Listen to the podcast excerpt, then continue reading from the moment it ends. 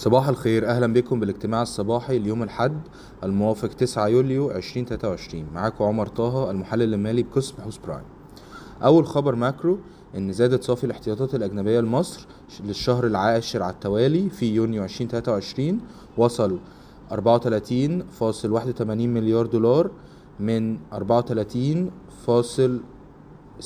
مليار دولار في مايو 2023 الخبر الثاني أن تخطط شيفرون البدء في حفر أول بئر استكشافي لها في امتيازها للنفط والغاز بالبحر الأحمر في النصف الأول من 2024 الخبر الثالث أن ستبدأ شركة شell بتنمية المرحلة العاشرة بمنطقة امتياز غرب الدلتا العميق بالبحر الأبيض المتوسط. تخطط شell البدء في الحفر ثلاث أبار للغاز الطبيعي السنة دي ومن المتوقع أن يضيف الامتياز حوالي 200 مليون قدم مكعب يوميا من الغاز الطبيعي بحلول 2024 بالنسبة لأخبار الكوربريت أول خبر إن سيبدأ التداول على أسهم شركة طاقة عربية النهاردة ستكون نسبة الأسهم حرة التداول على الأقل 14% سعر الافتتاح هيبقى نص جنيه للسهم لكن لأن السهم هيبقى متاح للتداول المباشر سيتم تحديد سعر السهم وفقا للعرض والطلب. وتم تأكيد القيمة العادلة من المستشار المالي المستقل عند 8.9 جنيه للسهم.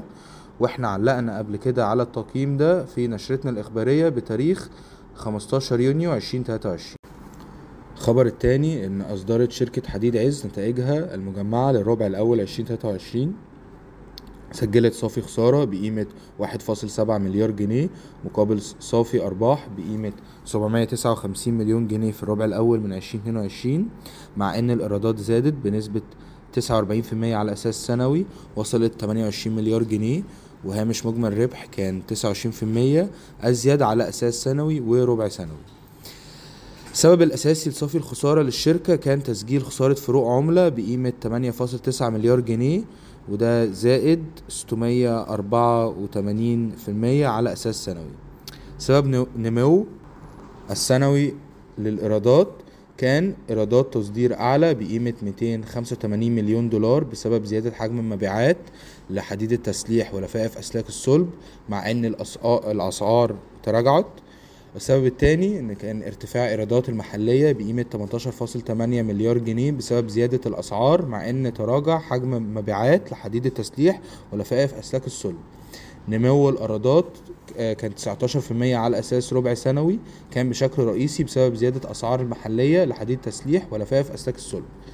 الخبر الثالث أن يقال أن مطور عقاري مملوك للدولة وهي شركة المستقبل للتنمية العمرانية ستضم إلى صندوق ما قبل الطروحات وتدرس الحكومة بيع 25 ل 30% من حصة الشركة لمستثمرين استراتيجيين السنة دي.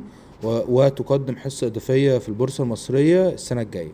آخر خبر إن فودافون مصر مستنية موافقة من البنك المركزي عشان تزود حصتها في بساطة باي ل 20% شكرا لاستماعكم للاجتماع الصباحي.